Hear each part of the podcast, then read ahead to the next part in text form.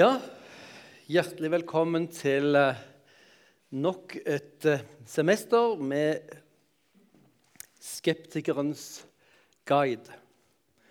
Um, vi er opptatt av skepsis både fordi vår tid er egentlig en, en ganske skeptisk tid, men skeptisk til utvalgte ting, gjerne. Og skeptisk til ting som hører kanskje til fortiden og til det tradisjonelle, til det etablerte.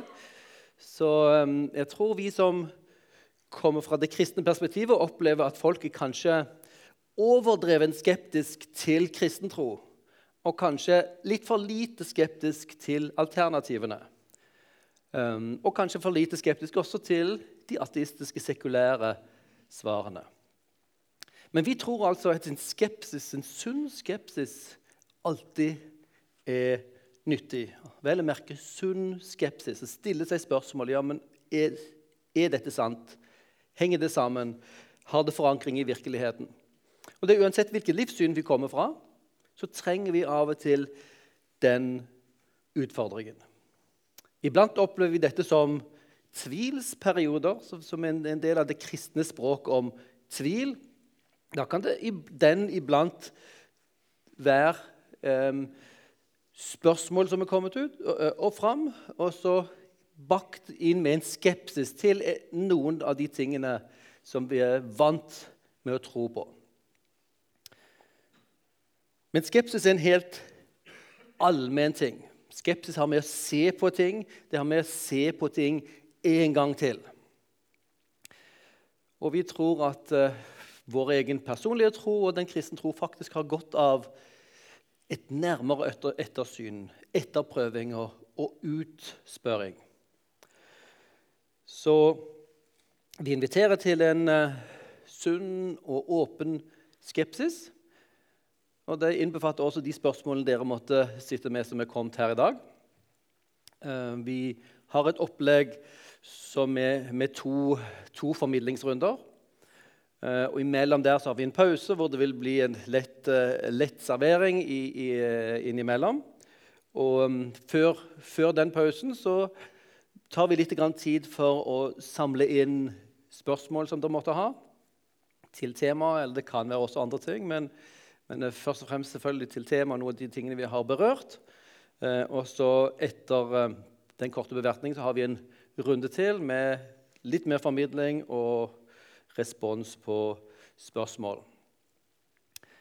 Det er opplegget. Vi har eh, fire kvelder denne våren.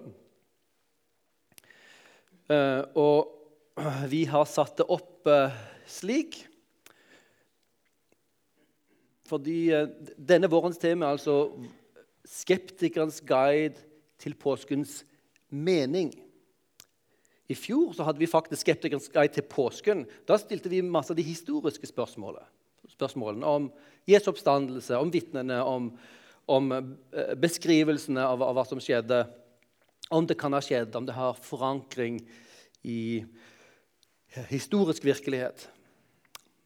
Denne våren skal vi gå inn i det som er påskeberetningen, eller egentlig påskens kjernebudskap, nemlig fortellingen om Jesu død og hva den døden betyr for noe. Dødens mening. For det er jo egentlig en ganske underlig type religion som vi har for oss her. En religion som dyrker et torturredskap, altså et kors, og en død. En som døde, og ser på den døden som det ultimate tegn på godhet og på frelse og på liv. Det er jo ikke rart at eh, folk som er fremmed for tankegodset, steiler. Og kanskje burde vi gjøre mer av det, vi som er vokst opp med dette her og pustet dette her. For oss er det nesten selvfølgeligheter. Men når vi begynner å grave i dette, så ser vi også at det er ting her som får oss til å steile, som skaker oss, som er så radikalt at ja, Som Tertulian sier Fordi det er usannsynlig, er det troverdig. Altså Disse tingene vil ikke folk funnet på. Fordi det er umulig, er det sikkert. Det ville være en, Tertulian mener å si at det ville vært en helt umulig idé å skulle finne opp av noen mennesker. At ja, vi ser, vi ser for oss at det finnes en gud, og denne guden er kanskje treenig. eller noe sånt. Derfor har han en, eh, eh, tre personer i guddommen. Og så velger den du, denne Gud å komme til menneskene, og han dør for menneskeheten av sin egen fri vilje. Hvilket menneske ville funnet på en sånn historie? Sant? Den er så vanvittig at den kan ikke være funnet opp. Og så, som Tertulian sier, ja, det er i seg selv kan du si, en, et argument for sannhetsgehalten. Og eh, Når vi stiller disse spørsmålene igjen om påskens mening, så tror jeg vi kan gå inn igjen og prøve å gjenoppdage og sette ord på ja, hva er det egentlig som skjer i påsken. Og helt spesifikt med, med Jesu død. Hva er det egentlig som skjer der? Vi er vant med å snakke om kors og Jesu død og, og forsoning og disse her tingene. Men prøve å grave litt i ja, hva er det egentlig som skjer. Hva er de ulike elementene? Hva sier de tekstene de eldste tekstene om dette, hva dette betyr.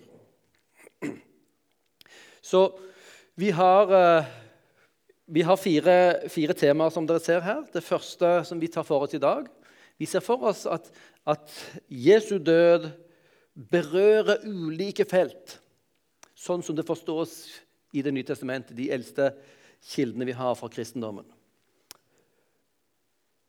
Og Jesu død har med dødskreften å gjøre. De tingene som eh, ligger rundt oss og suger livet over oss og bringer oss inn i døden. Vi dras inn i døden. Det er mye, mye å si om de kreftene som vi skal se på i dag. Og så I februar så skal vi se ja, problemet med oss mennesker. Hvordan berører Jesu død det problemet som selve mennesket er. I mars problemet med Gud. Gud, hans rettferdighet, hans rettferdige vrede, et oss-element her. Og hvordan, hvordan gir korset mening til det temaet? Og siste kvelden i april om problemet med livet. Livet, døden som vi lever under, hvordan skal vi overleve? Hvordan skal livet vokse fram i en verden som Bibelen sier ligger under forbannelse, og vi hele tiden strever med å finne livet, forstå det eh, og leve det. Så det er da planen vi har denne, denne våren. Vi ser altså i dag på problemet med dødskreftene. Og Vi kunne nærme oss dette her fra mange forskjellige vinkler. Det finner mye interessant litteratur om dette. og Det skal jo ikke mer enn en, en, noen timer foran uh, nyhetskanalene for å komme møte disse tingene, som vi kan kalle dødskreftene.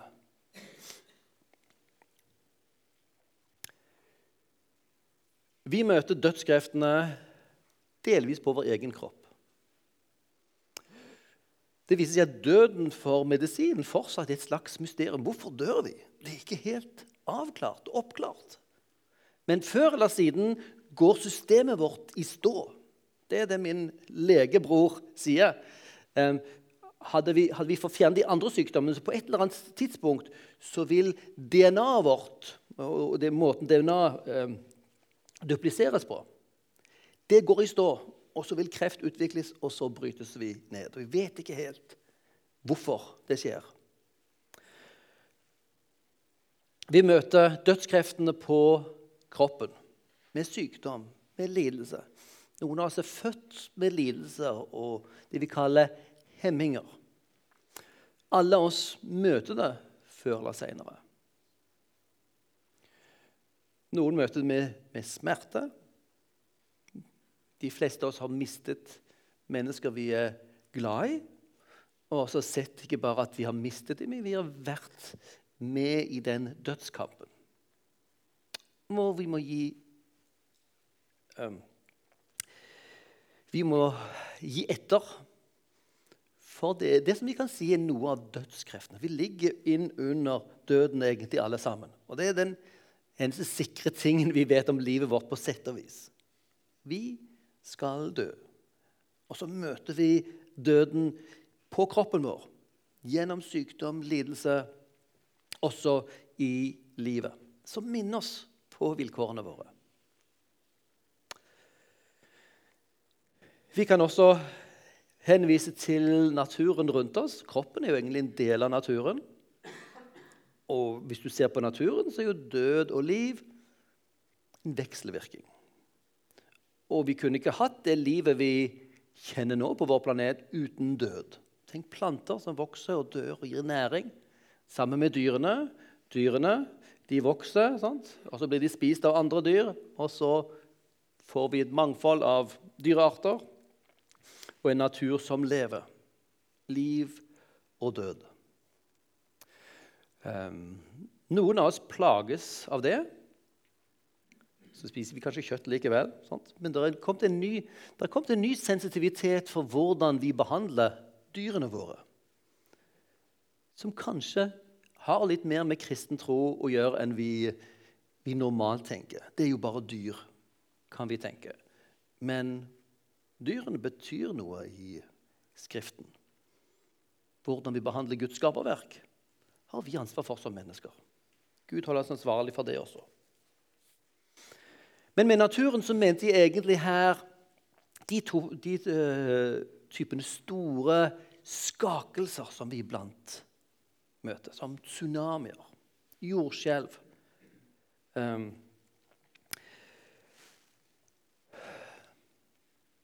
Og det er jo ikke så lenge siden vi hørte om en tsunami heller.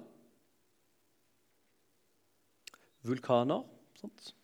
Utbrudd av de. Naturen er et farlig sted. Og plutselig så møter vi det.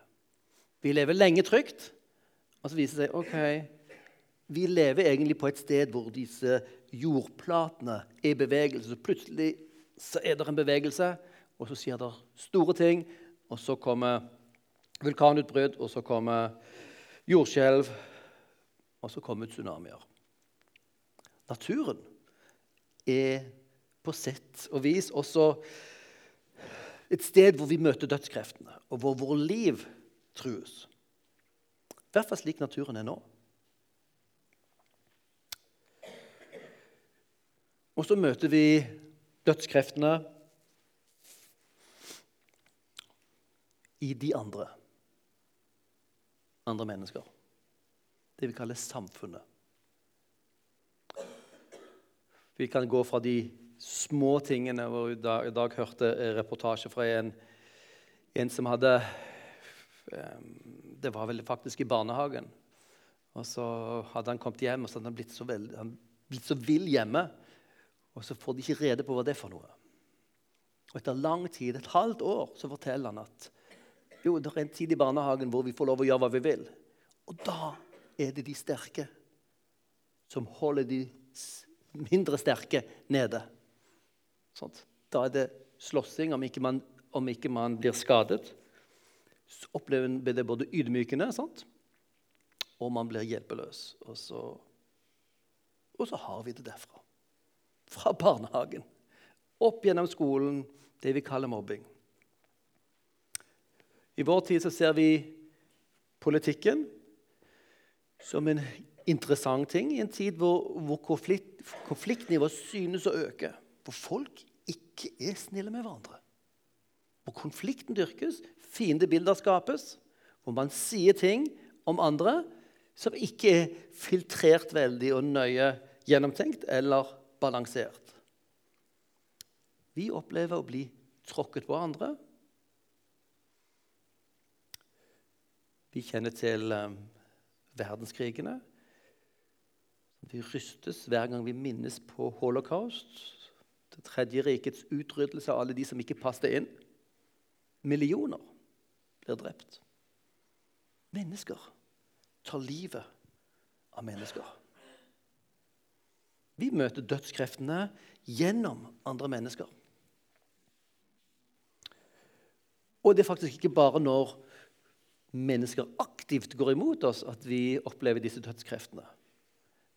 En av de vanskeligste tingene for oss, og som er veldig utbredt i dag, er det å oppleve seg ensom og neglisjert. Å bli oversett er jo også på sett og vis møte med dødskreftene.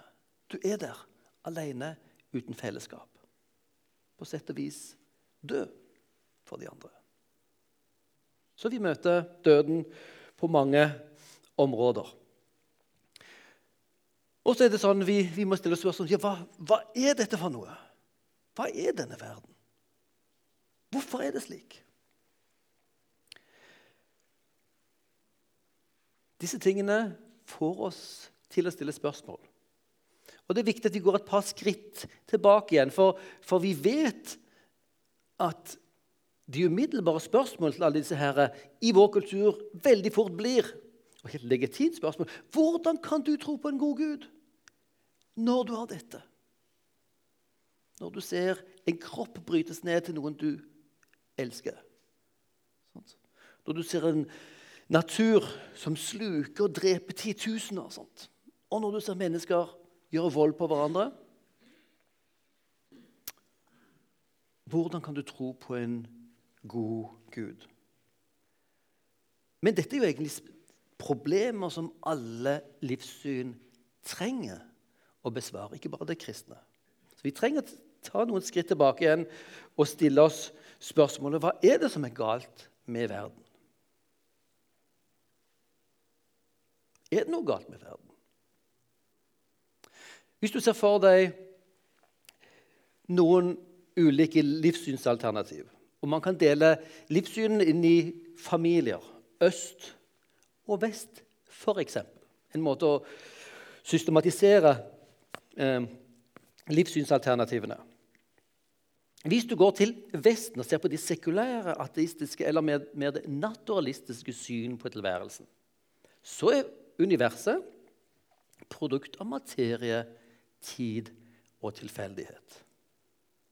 Ytterst sett er det ikke noe galt med universet. Det har alltid vært sånn, vil alltid være sånn. Liv og død er en del av samme prosessen.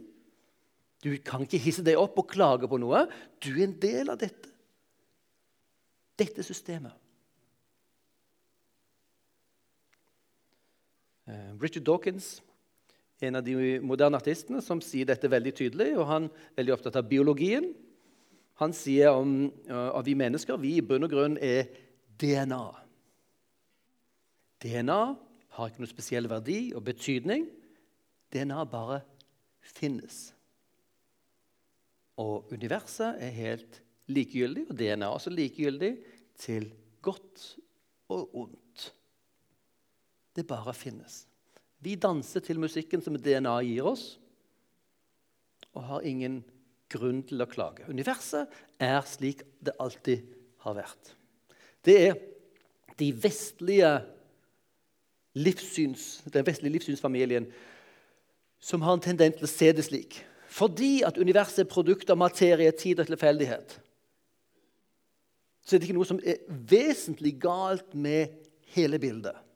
Vi kan være misfornøyd med akkurat vår lille verden. Men det er en veldig rar ting hvordan, hvordan mennesket på en måte river seg ut av sin, eh, sin, naturlige posisjon som bare et produkt av det, og, og, og, begynner å bedømme og si at noe er galt. Det er ikke grunnlag for det i det naturalistiske universet. Så er det ikke noe rett og galt. Det er bare at vi føler ting rett og galt. Som faktisk også vil gjelde fortellingen om holocaust. Det er bare produkt av naturens gang. De svake går under. Og som Nietzsche sa, det er ikke bare det at de svake går under, vi skal hjelpe dem til det. Vi hjelper bare historien fram, sånn som naturen ville gått uansett. Er det noe galt med verden? Naturalismen, vestlige perspektivet, sier Egentlig dypest sett ikke. Det er bare slik at liv og død, lidelse, er en del av pakka. Fra starten til universet blåser seg selv ut. Hvis du går til den østlige familien livssyn, som vi kan kalle panteistiske, som ser for seg at det er noe guddommelig. Guddommelig vesen, guddommelig kraft, guddommelig energi, som i, i um, hinduismen kan kalles brahman, som er verdenssjelen, eller i taoismen kalles chi, som er den kraften som gjennomsyrer alt og gir dynamikk og skaper, skaper eh, energi og bevegelse i tilværelsen. Dette er en del av den guddommelige kraften i universet. Ifølge også øst, det østlige perspektivet så er det ikke noe vesentlig galt med universet. Den guddommelige kraften er del av det gode og det onde. Læren om karma skal være et lære om rettferdighet i universet, men i bunn og grunn amoralsk. Du høster det du sår, og ikke en, ikke en historie om rettferdighetens seier. Du høster det du sår. Sånn er universet. Om du lider, så er det sånn universet rammer deg. Og du burde ikke unngå lidelsen heller, faktisk. Hvis du har en eh, karma å sone Du har levd dårlig et tidligere liv, vært kriminell, mishandlet kone og barn okay? Så i ditt neste liv så får du et dårlig liv, og så blir du selv rammet av lidelse og smerte. Ja, Da er du selv skyld i dette. Du må selv betale det. Du må ikke prøve å unngå lidelsen, nei, for da bare strekker du ut den tiden som du sjøl må lide. Karma må betales. Det er ikke noe strengt tatt galt. Men selvfølgelig kan man, og vil man, som også ateismen, protestere.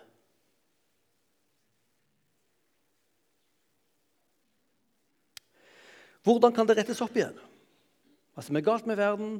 Hvordan kan det rettes opp? Livssynene, De vestlige livssynene som, som uh, ateismen og det vi kan kalle mer presist naturalismen, vil jo si ok, det fins jo ikke egentlig dypere sett mening, godt og ondt. Men hvis vi fanger inn fortellingen som den moderne humanismen har at ok, Gjennom opplysning Vi mennesker har på et eller annet vis fått en fornuft. Vet ikke helt hvordan det, hvordan det kan være slik. Fordi Hvis vår fornuft bare er produkt av tilfeldigheter, hvorfor skal vi stole på vår fornuft? Ok, det er et kjempevrient spørsmål som Darwin sleit med, og som filosofene sliter med. Hvis vårt produkt kun er et overlevelsesverktøy, uh, hvorfor skal vi tro at fornuften gir oss sannhet? Vel, likevel er den moderne opplysningstankens tilnærming at vi har beveget oss fra fra et mørke med religion til fornuft og vitenskap. De problemene som er verdt å bry seg om, de kan repareres med moderne teknologi og vitenskap. Og Det er jo interessant at uh, det fortelles at rundt 1900 på patentkontoret i, i, New York var det en av de som holdt på med patenter, som uttrykte ja, nei, nå er vel alt oppfunnet snart år 1900. Det har skjedd en del siden det. Rett, før, rett rundt år 1900 var den moderne vestlige verden ekstremt optimistisk. Trodde på fremgang, trodde på menneskets opplysning. Og dette kan uttrykkes veldig godt med prosjektet Titanic. Båten som ikke kunne synke produkt av menneskelig fornuft og teknologi. Et vidunderverk. Sånt. Og så, rett før verdenskrigene, så kjørte den stolt ut over Atlanterhavet og rett i et isfjell og sank. Optimismen, troen på vitenskapen, fornuft og menneske fikk et alvorlig knekk. Den fortellingen brukes av veldig mange si, kulturkritikere og filosofer. Og rett etter Titanic det var som et varselskudd. kom det to verdenskriger. Mer blod utgitt enn verdenshistorien noensinne har sett. Og vi går framover. Vi blir opplyst. Har vi løsningen på problemene? På sett og vis er vi mer problemer i dag enn vi har vært noensinne. Og nå vet vi også om miljøutfordringen. At vi forsøpler denne planeten. Vi forgifter den og gjør det ulevelig for mange arter, og kanskje også til slutt for oss selv.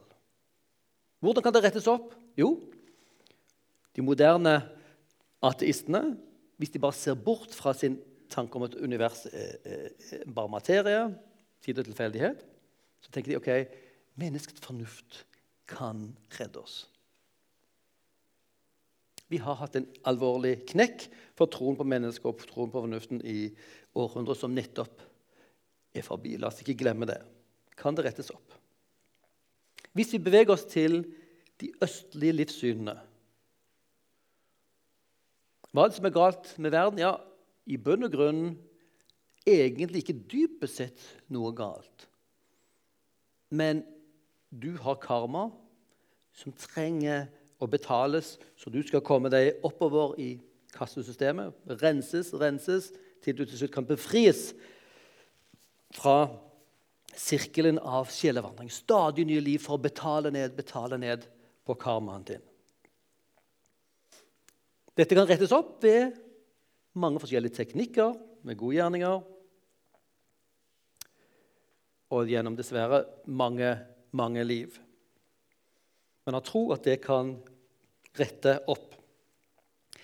Men det er ikke et engasjement for en verden, men for sin egen indre karma. Så troen på at um, denne kloden kan reddes, er på sett og vis i panteismen litt likegyldig.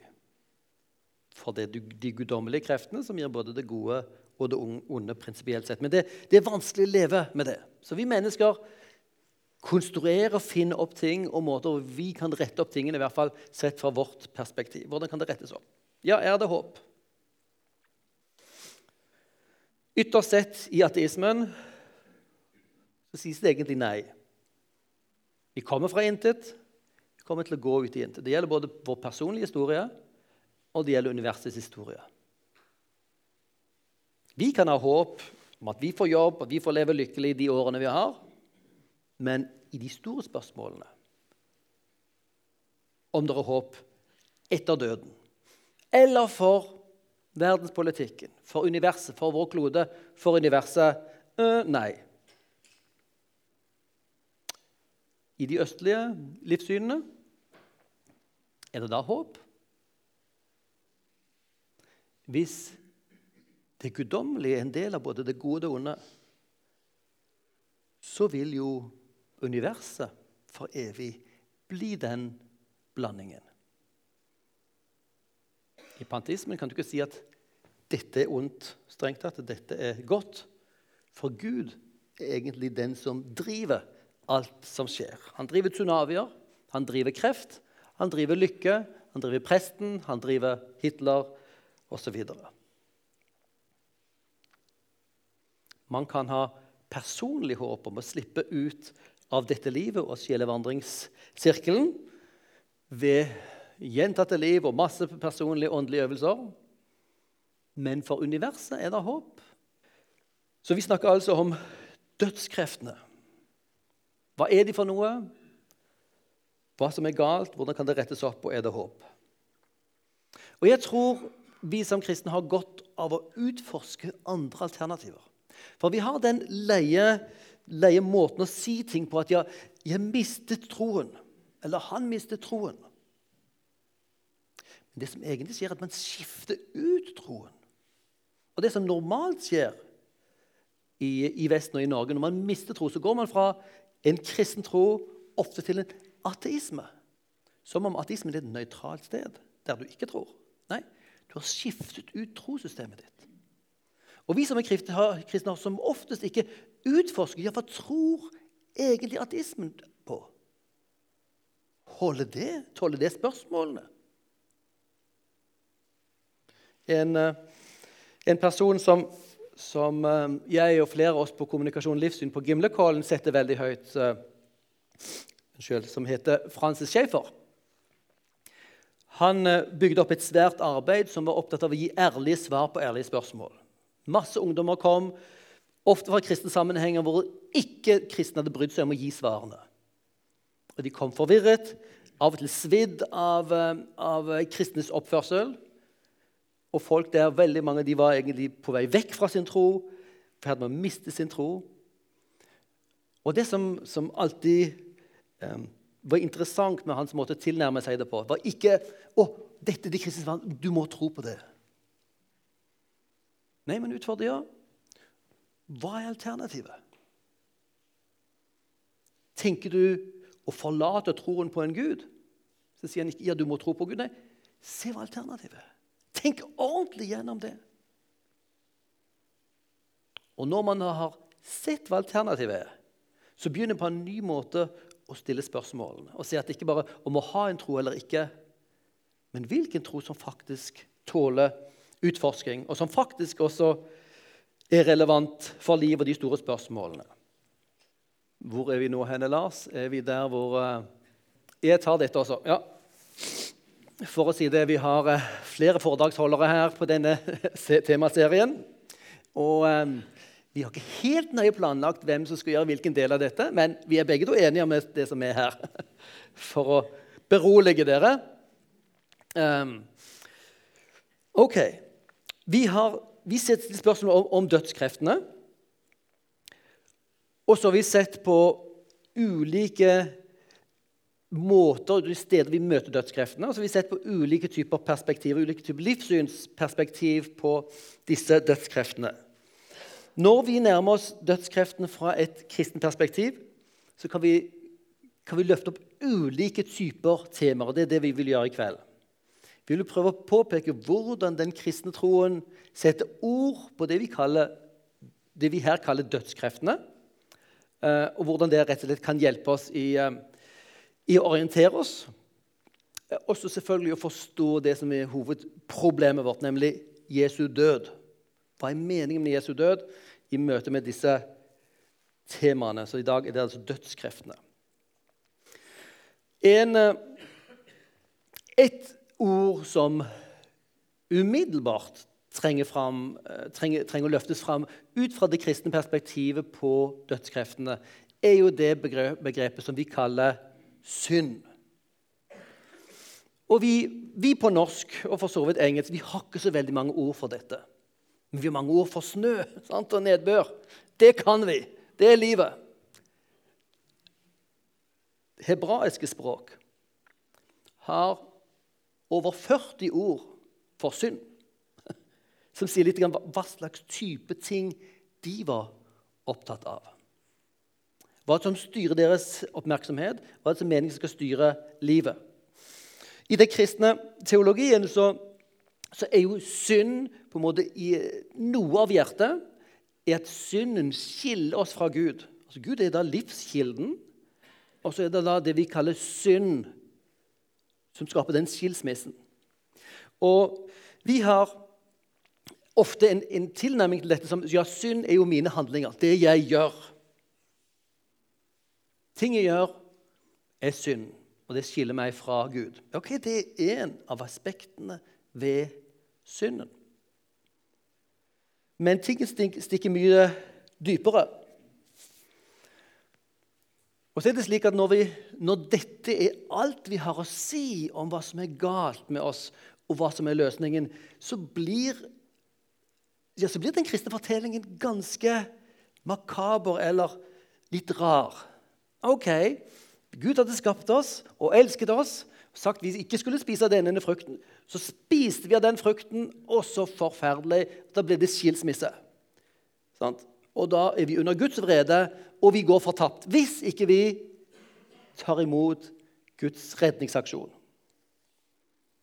Ok, Den fortellingen kjenner vi som er kristne fra før. Og vi vet at her er det veldig mange dimensjoner. Men hvis du hører dette fra, fra første gang, og hører kun i det jeg sa til deg nå, så er det egentlig litt rar fortelling. Gud elsker oss kjempemye, men fordi vi har gjort noen gale handlinger, så hater han oss. Eller han er vred, og vi kommer til å gå fortapt.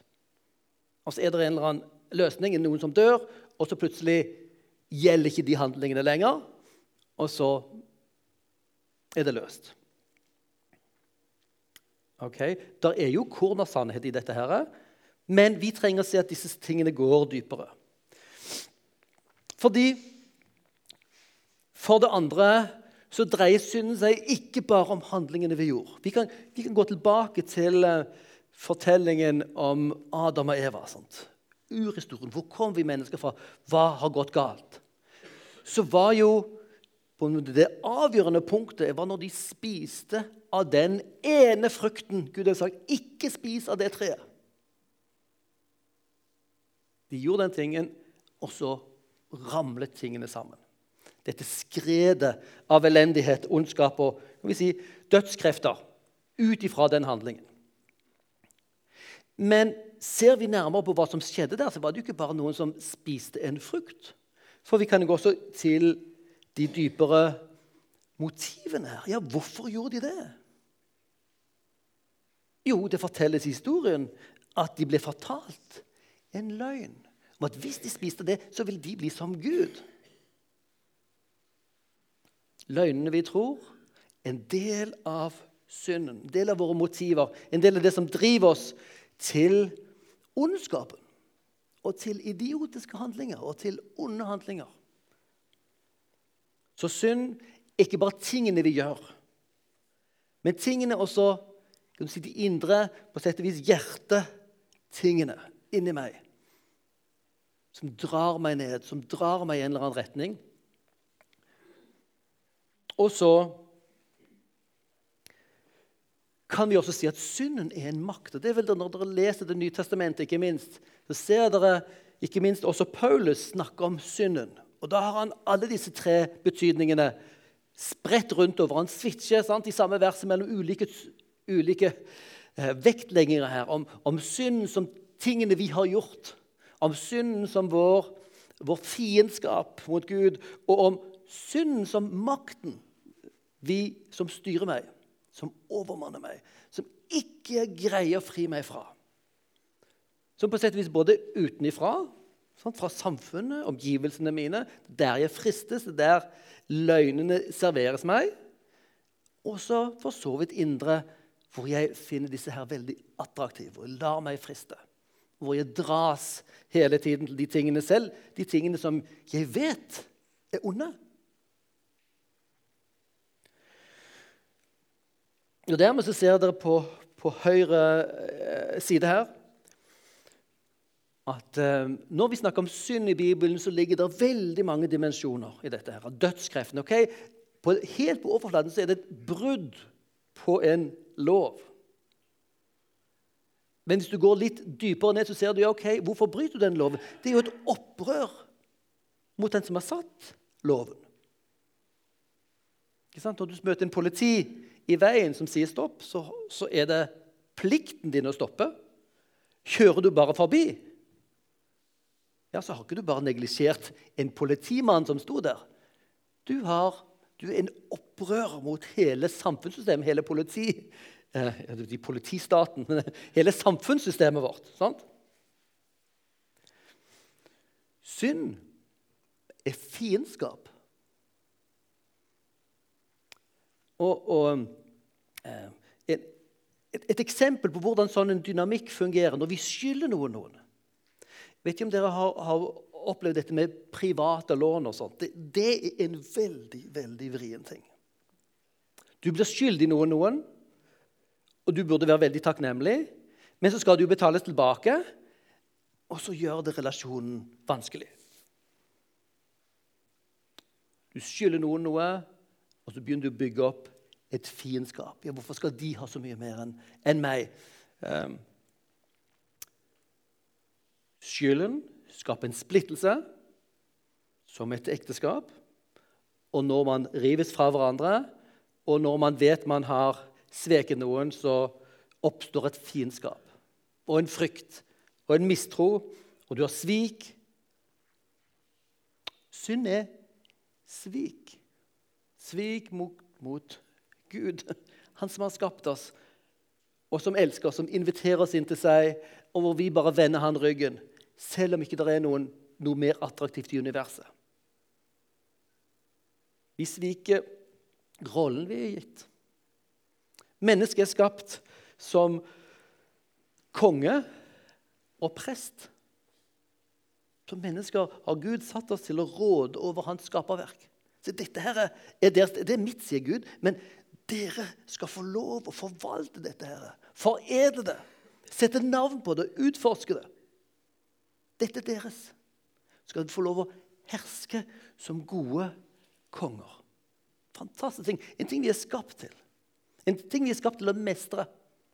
Med vår både intelligens og med vår moralsans. Begge ting er nødvendig for å kunne gjøre det. Og vi er prester for universet. Hele universet synger Guds lovsang, sier noe om Guds storhet. Vi er ment å være stemmen fra universet tilbake til den guden som har skapt oss. Så Vi er skapt midt imellom Gud og skaperverket til å være konger og prester. Og hva er det vi gjør med det? De to Det er så høyt du kommer i det hebraiske universet. Konger og prester. Kongelig presteskap sies i Nytestamentet. Hva er det vi gjør? Nei. Vi har viktigere ting for det. Vi vil spise vår frukt. Vi har våre prosjekter. Så sviker vi kallet vårt. Så sviker vi vår neste og ektefelle.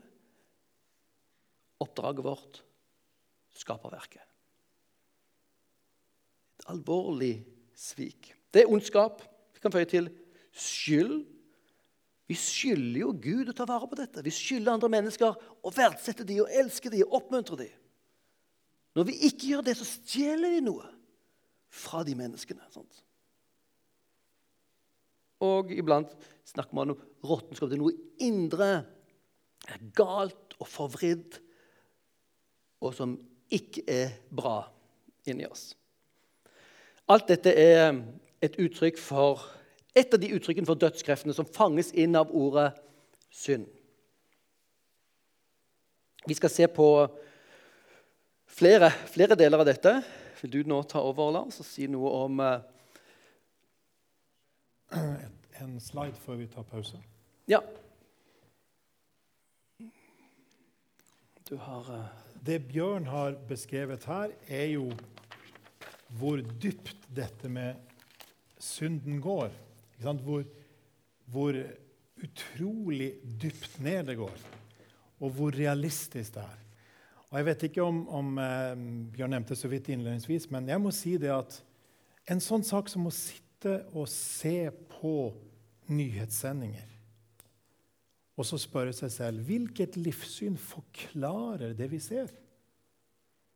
Ikke det sekulære, ikke det panteistiske, altså verken det vestlige eller det østlige, er vi overbevist om, eh, Bjørn og jeg. Men det kristne synet forklarer menneskets dybde, både positivt, men også negativt.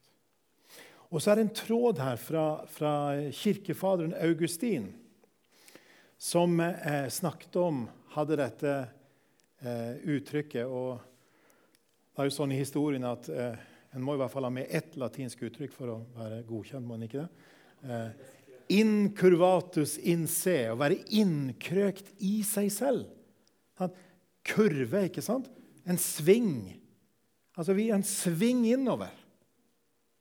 Det er jo det det betyr. ikke sant? Så mennesket er snudd innover. Så i stedet for å være snudd mot Gud, så er vi snudd innover.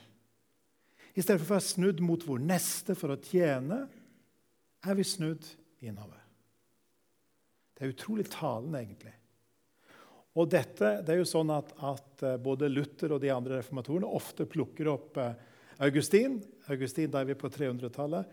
Eh, og reformasjonen.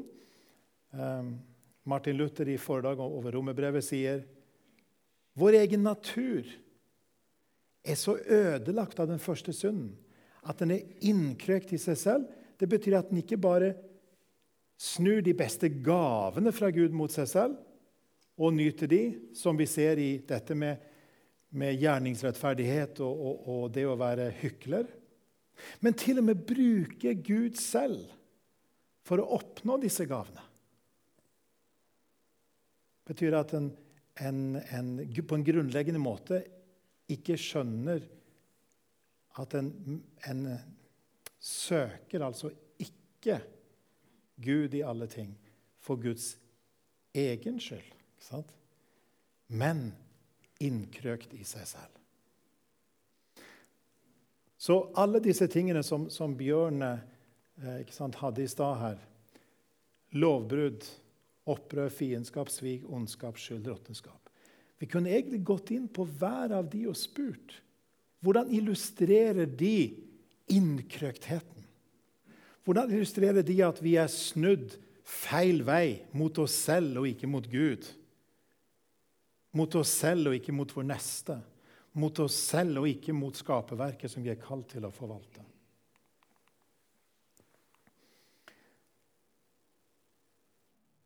Vi tar svingen innover, sant? inn i oss selv, og prøver å finne løsningen. Enten oss selv er i en vestlig versjon, som er en sekulær utgave, ikke sant? uten å regne med en gud, eller det blir en østlig variant, hinduisme, buddhisme osv., som setter religiøst språk på det. Uansett så er det en innkrøkthet i seg selv. Og La oss da eh, også ta med det neste lysbildet før vi tar en pause. Det er på norsk. Ja da. Stemmer det. Eh, eh, her er poenget. Nå ser du selv at alle dem, de som ikke alltid har tillit til Gud, og ikke i alle sine gjerninger lider i liv eller død, stoler på hans gunst, nåde og velbehag, men søker dette i andre ting enn hos seg selv, de holder ikke dette bud, men de driver virkelig avgudsdyrkelse. Det er dramatisk det, ikke sant? at en skifter ut Gud med de falske gudene. Selv om de endog gjorde alle de andre buds gjerninger, for selve hovedgjerningen mangler. Altså, her snakker vi om det første budet, ikke sant? Å elske Gud. Eh, ikke ha noen andre guder enn en, en han, og elske Gud over alle ting. Men uten den er alle de andre intet annet enn bare hykleri, skinn og farver. Likedan er det med alle dem som i sine gjenvordigheter løper hit og dit og overalt søker råd, trøst hjelp, bare ikke hos Gud, som det først og fremst, altså som mennesket først og fremst er befalt dem å søke hos.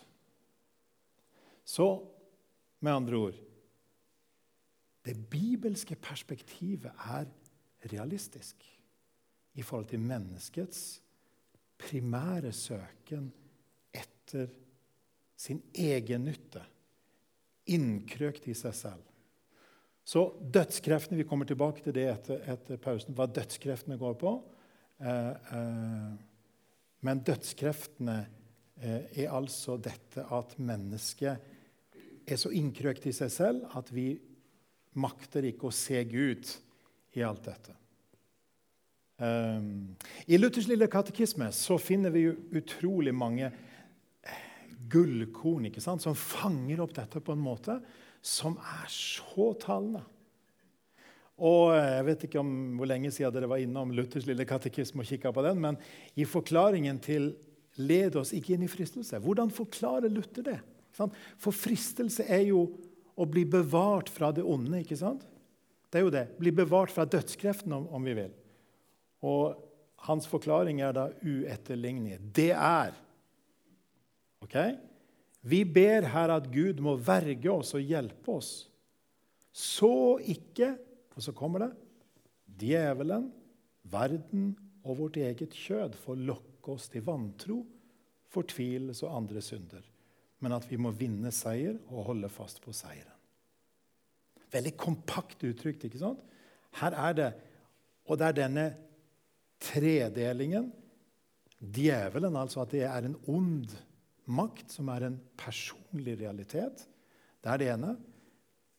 det er den ene døds, en av dødskreftene her.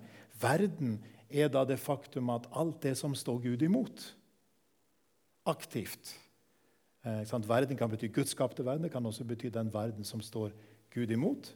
Og så er det vår egen problem hos oss selv. Innkrøktheten i oss selv, for å si det sånn. Vår egen vårt eget gamle menneske, eller kjøtt som det brukes her. Og så, På hvilken måte kan dette da lokke oss? Jo, vantro, altså å ikke tro sant? og ikke ha tillit til Gud. Problemet er ikke tvil, sant? for det er midt imellom å granske og prøve ting. Men problemet er vantro. Fortvilelse det er jo det å gi opp. At dødskreftene blir så sterke at vi gir opp. Og Det er verdt å tenke på. Altså, hva er det som kan få en kristen til å føle seg fortvila? Ja, ikke minst dødskreftene. Ikke minst møtet med kanskje vår egen innkrøkthet i oss selv. Møtet med alle den ondes piler, som vi leser om i, Nytestamentet. Møtet med den verden som står Gud imot. Og så står det 'andre synder'. Igjen Luther veldig realistisk. ikke sant? Det er så mange ting som kan føre det å gi etter for dette, som vi har så veldig lett for. Men heller at vi må vinne seier. Og da har da han tidligere eh, snakket om at seieren er i Jesus Kristus ikke sant, og troen på ham. Vi snakker jo her om meningen med Jesu død. ikke sant? Koblingen, Vi kommer tilbake til det. Sentrale bibelord som dreier seg om det. Og så holde fast på seieren. Det er også veldig innholdsfullt. ikke sant? En ting er seieren, og så er det å holde fast på den. Ikke gi slipp på den. Med andre ord leve øyeblikk for øyeblikk på den seier som Jesus vant på korset. Det er utrolig. Ja. Formulert på 1500-tallet. Og så, så innholdsfullt at hver eneste lille komma, alt som står imellom, det, det er så innholdsfullt. La oss ta med oss det og eh, reflektere videre over det etter en pause på ti minutter. Kvarter, kanskje. Spørsmålene. Ta, vi, må ta opp, uh... vi må ikke slippe så lett unna, nei. Ja. Så nå har vi begynt vi har gått fra å prøve å beskrive noen av dødskreftene på det ytre plan til å gå til å beskrive eh, dødskreftene på det indre plan. Og så eh, derfra til å si litt om, om hvordan skal vi forholde oss til dette som kristne. Mikrofonen er herved gitt. Ok, takk. Um, er det passe? Ja. Eh, på en måte ikke et spørsmål, men en, en kommentar, siden eh, dere snakker om Luther og hans eh, formuleringer. I 1524 skrev han en salme som var et svar på alle de som angrep hans lære om forsoningen og om dødskreftene. Og Den salmen har ti vers. Jeg skal ikke lese alle de. Dette er vel ikke tiden for å lese opp salmer, men, men det er et vers eh, salmen heter 'Nå fry deg, kristne menighet'. Og vers 4 det handler om dødskreftene. Da var det sorg i himmerik, Gud Fader så min pine. Han kjente all vår synd og svik, men ville hjelpe sine. Han kom i hu sin miskunnhet og ofret for min salighet det dyreste han eide. Og så kommer da vers 5, som er virkelig svaret til alle kritikerne mot hans forsoningslære. Han skriver Han, altså Gud Fader, han talte til sin kjære sønn. Nå vil vi oss forbarme. Far ned, min hjertens kroneskjønn, og finn og frels den arme. Befri ham fra all synd og nød, og knus for ham den bitre død, så han med deg kan leve. Ehm, det er litt å foregripe kanskje eh, andre ehm, skeptikerkvelder. Men, men det var eh, også på den tiden, som nå, er det et angrep på denne tanken om at ehm, ja, mange har hevdet, f.eks. Bjørn Eidsvåg i Aftenposten for noen år siden, at, eh, at det var barbarisk av Gud å, å behandle sin sønn på den måten. Luther hadde et godt svar til det. Takk. Takk skal du ha. Jeg må si at uh, når jeg hørte uh, dere snakket om uh, dødskreftene i, i, kroppen som jeg har lært å kjenne i mitt yrke at fins i naturen, og også det som kommer fra det andre, så tenkte jeg hvor fantastisk det blir den dagen når alt det er borte. Men eh, har, eh, dere var også innom Adam og Eva. Og jeg må si at jeg undrer meg fortsatt på Ok, de ble fristet, og de falt. Men hvordan, hvorfor var f.eks. Kain og Abel også under den samme?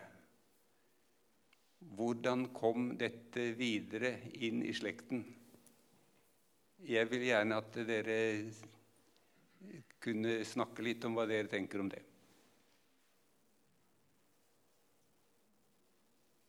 Takk skal du ha. Ja, det var artig å høre. og Samtidig så sitter jeg og lurer på hvor er skeptikeren? Jeg har ikke sett så mye til han, men jeg har fått mye forsvar for noe. Så det kunne være interessant å høre hvilken skeptiker dere er ute etter. da. Um, og så um, tenkte jeg på det med synden. da.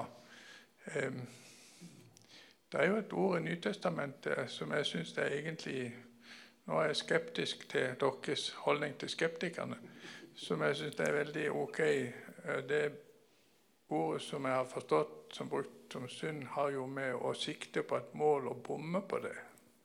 Men hvem bestemmer hva er det gode målet? Takk skal du ha. Og nå tar vi eh,